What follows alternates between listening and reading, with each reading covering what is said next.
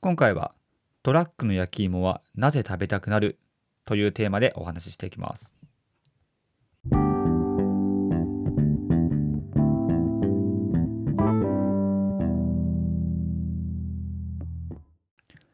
皆さんこんばんは。ヒロトのフラーっと独り言。本日は金曜日お話をしていきます。はい。えー、今週も金曜日ということで、まあ、終わりますね。はい。もう最近もう1週間がすごいあっという間だなってね感じるんですけれども、まあ、皆さんいかがでしょうか？もうかれこれもうあと2ヶ月ぐらいですか？でも今年2020年終わってしまうということでいや、1年あっという間だなって感じますね。まだね、残りの期間はあるんですけれども、もう、なんかもう1年間、何やってましたかね。うんまあ、基本的には、平日はお仕事をして、まあいろいろとその終わった後に、まあこういう音声配信なんかも、そうですね、この2020年に始めて、まだ1ヶ月ちょいぐらいなんですけども、本当にいろいろと、まあ、挑戦した、あの、まあ、年だったかなと思います。はい。まあでもまだまだ、ね、いろいろとやりたいことはたくさんあるので、2020年ね、後悔しないようにね、終えていきたいなと思います。はい。えー、そんな感じでですね、はい。えー、今日のテーマが、トラックの焼き芋はなぜ食べたくなる？ちょっとそういった考察についてお話をしていこうかなと思います。はい。まあね、まあトラックの焼き芋、あの、皆さん一度は食べたことある方、ね、結構いると思うんですけども、まあ、僕はですね、まあ、すごい焼き芋があの好きでして、もうね、トラックがあのもう通ると、もうダッシュであのトラックを、まあ、追いかけてしまうぐらい、もうそれぐらい好きなんですけども、まあ、ふとですね、まあ疑問に思ったんですよ。なんかトラックとかそういう焼き芋を食べるのに例えば、ま、スーパーとか、ま、コンビニに売ってる焼き芋ってあの、ま、僕自身はあんまり食べないなと思って、うん、なんでトラックの焼き芋はあんなに食べたくなってしまうのか、はい、まあ、そこに疑問をあのすごい感じて、ね、今日ちょっとお話の、まあ、テーマとしてあげようかなと思ったんですけども、はい。まあですね、いろいろと自分の中で、まあ、トラックの焼き芋に、まあ、惹かれてしまう、まあ、理由を探してみたんですよ。はい。えー、一応、まあね、いろいろ探したら、まあ、大きく分けて、まあ、3つね、見つかったので、ね、今日はそれをご紹介したいと思います。はい。えー、まあ、早速なんですけども、まあ、一つ目ですね。はい。まあ、一つ目は、まあ、売ってる人が大きく関与してるんじゃないかということで、あの、まあ、トラックの焼き芋って、まあ、通常の、まあ、スーパーとか、まあ、コンビニで売ってる焼き芋よりも、ちょっとね、値段が、まあ、高かったりするんですよね。うん。まあ、もちろん、その、まあ、売り方によって様々なんですけども、まあ、例えば、まあ、焼き芋の重さで、ね、その重さに応じて、まあ、値段が変わったりとか、あとはもうそれこそ焼き芋の種類によって、じゃあこの安の芋の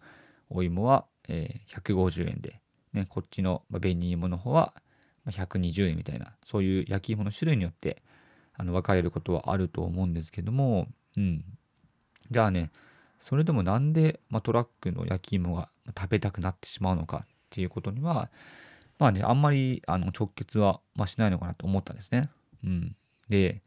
まあ、そこに直結するのは、やっぱり、ま、売ってる人なんじゃないかなと思います。はい。で、実際ですね、焼き芋トラックで売ってる人は、まあ、大体の場合、まあ、おじいちゃんとか、結構年配の方が、なんか趣味とか、うん、まあ、もしかしたらそれを本業にしてる方ね、いるかもしれないんですけれどもそういうちょっとした、ま、時間で、ま、焼き芋を作ってあの売っていくっていう、まあ、スタイルかなと思うんですけども、まあ、最近だとねいろいろとネットとかで、まあ、調べると若い人の写真が出てきたりとか、もう本当に幅広くあの、トラックで焼き芋を販売してる方も多く見受けられるんですけれどもやっぱり、ま、そういう、まあ、個人が売ってるからこそ、まあ、その人からね、まあ、真心を込めて、まあ、作ったものを、買ってあげたいと、ね、まあ、そういう、まあ、心理が働くのかなと思いました。はい。まあ実際ですね、まあ、スーパーとか、ね、コンビニって、なんかもう誰にお金を払ってるかっていうのが正直分かりにくいじゃないですか。はい。まあ、別に直接ね販売してるわけでもないので、はい、結局その自分が払ったお金っていうのがどういう人に届いてるのかっていうのがあまり見えにくいなってね思ってて、はい、そこの違いなのかなと思いますよね。まあ、トラックだったらもうそのトラックの運転してる人が実際に作ったわけなので、ま、その人にお金を払ってその人から、まあ、美味しい美味しいあのあったかいお湯も受け取ると。ねそういう、まあ、ダイレクト課金ですよ。いわゆる。はいもう最近流行りの。うん。だからそういう部分が結構トラックで、ね、買ってしまう魅力なのかなと思いました。うん。まあ、なので単純にその売ってる人の、まあ、嬉しそうな顔が見たいとかねそういうことかなって思います。はい。でこれが 2, 1つ目で、えー、2つ目はですねあのー、よくトラックをね運転してると、まあ、流れるじゃないですか。ね石焼き芋ってね。はい。あの音楽が、まあ、人を引きつける要素があるんじゃないかなって思いました。まあ実際ですねこの、まあ、街の中でねもう静かな中でもうトラックが一人、まあ、音を鳴らしてるわけですよ。あの、ね、非常に耳のあの聞こえがいい音楽ですね。まあ、僕はですね、もうあの音楽すごい好きなんですけども、なんかね、石焼き芋、お芋っていうね、もうただただ焼き芋のことを紹介してるだけなんですけども、あの、なんというか、まあ、ゆったりとした、まあ、音といい、まあ、リズムといい、まあ、自然と、ま引きつけられてしまう、なんかそんな、不思議な力があるのかなと思いました。はい。この焼き芋のこの音楽と同じように、ま、よくですね、ま、スーパーでも、まあ、音楽流れてるじゃないですか。うんまあ、これもなんか調べてみたらあのよくスーパーの、うん、例えばなんだかね、まあ、店舗の中でね結構なんかチープな、ね、音楽流れてると思うんですね。はい。ちょっとまあの音声で説明しにくいのでもしだったら、まあ、ネットとかで、ね、調べてみてほしいんですけどもあの音楽を流してるのを、ま呼び込みくんっていう、まあそういうのがあるみたいで、で、その呼び込みくんのあの音を流すと、購買意欲を高めるっていう効果が、ま、どうもあるみたいで、結構あの原理に近いのかなと思いました。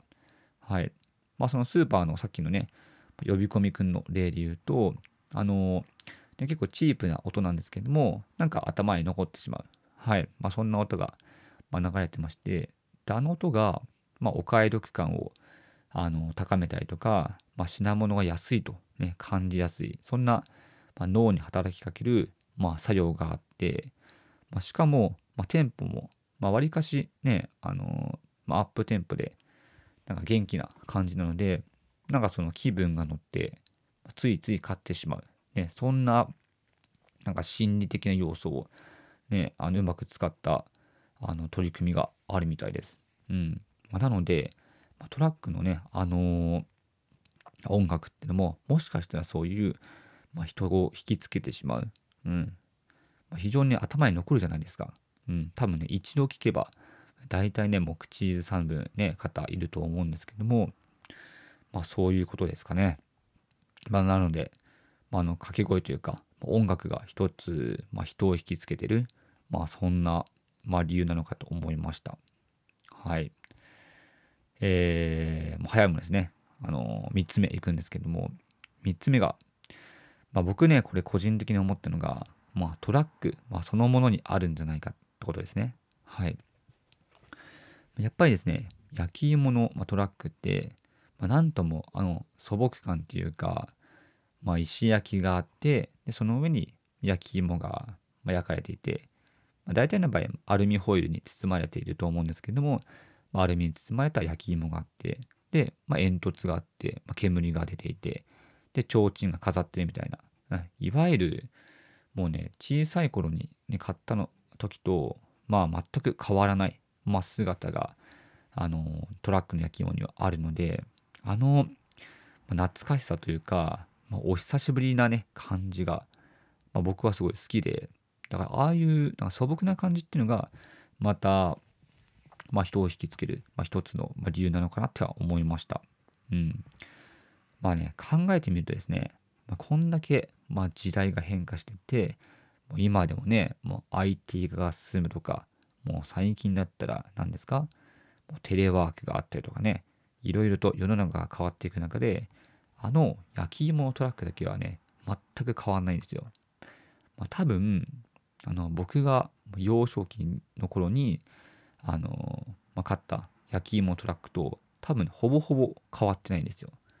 はい。なので、こういったね、時代が変化していく中でも、まあ、変わらね、あのスタイルっていうのがね、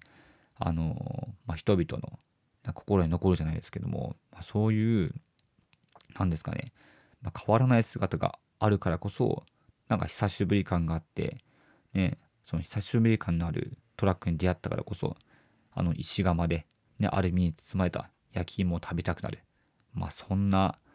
なんですかね、まあ、不思議な魅力があるのかなと思いました。うん。いや、今ですね、もう本当に、ちょうどお腹空いてる時期で、ね、この話してると、なんかあのね、もうあの甘い焼き芋がね、食べたくなってしまったんですけども、はい。まあ今日はね、まあトラックの焼き芋はなぜ食べたくなるのかっていうことで、もうほんとね、今日思いつきました。もうふと、はい。もうそろそろ焼き芋の季節だなって思いながら、ね、ふと、まあ、トラックの焼き芋ね、なんで食べたくなるのかっていうことで、あのー、いろいろ考えてみたので、今日はそんなテーマで発信をしてみました。はい。まあ、総じて言うと、ま、トラックの焼き芋は美味しいです。はい。最後にこれは伝えたので、ぜひとも今年まだ焼き芋を食べてない人は、トラックにて、はい。ぜひとも味わってみてください。はい。えー、今日はこんな感じで終わりますので、また明日以降も元気に配信をしていきます。それでは、バイバイ。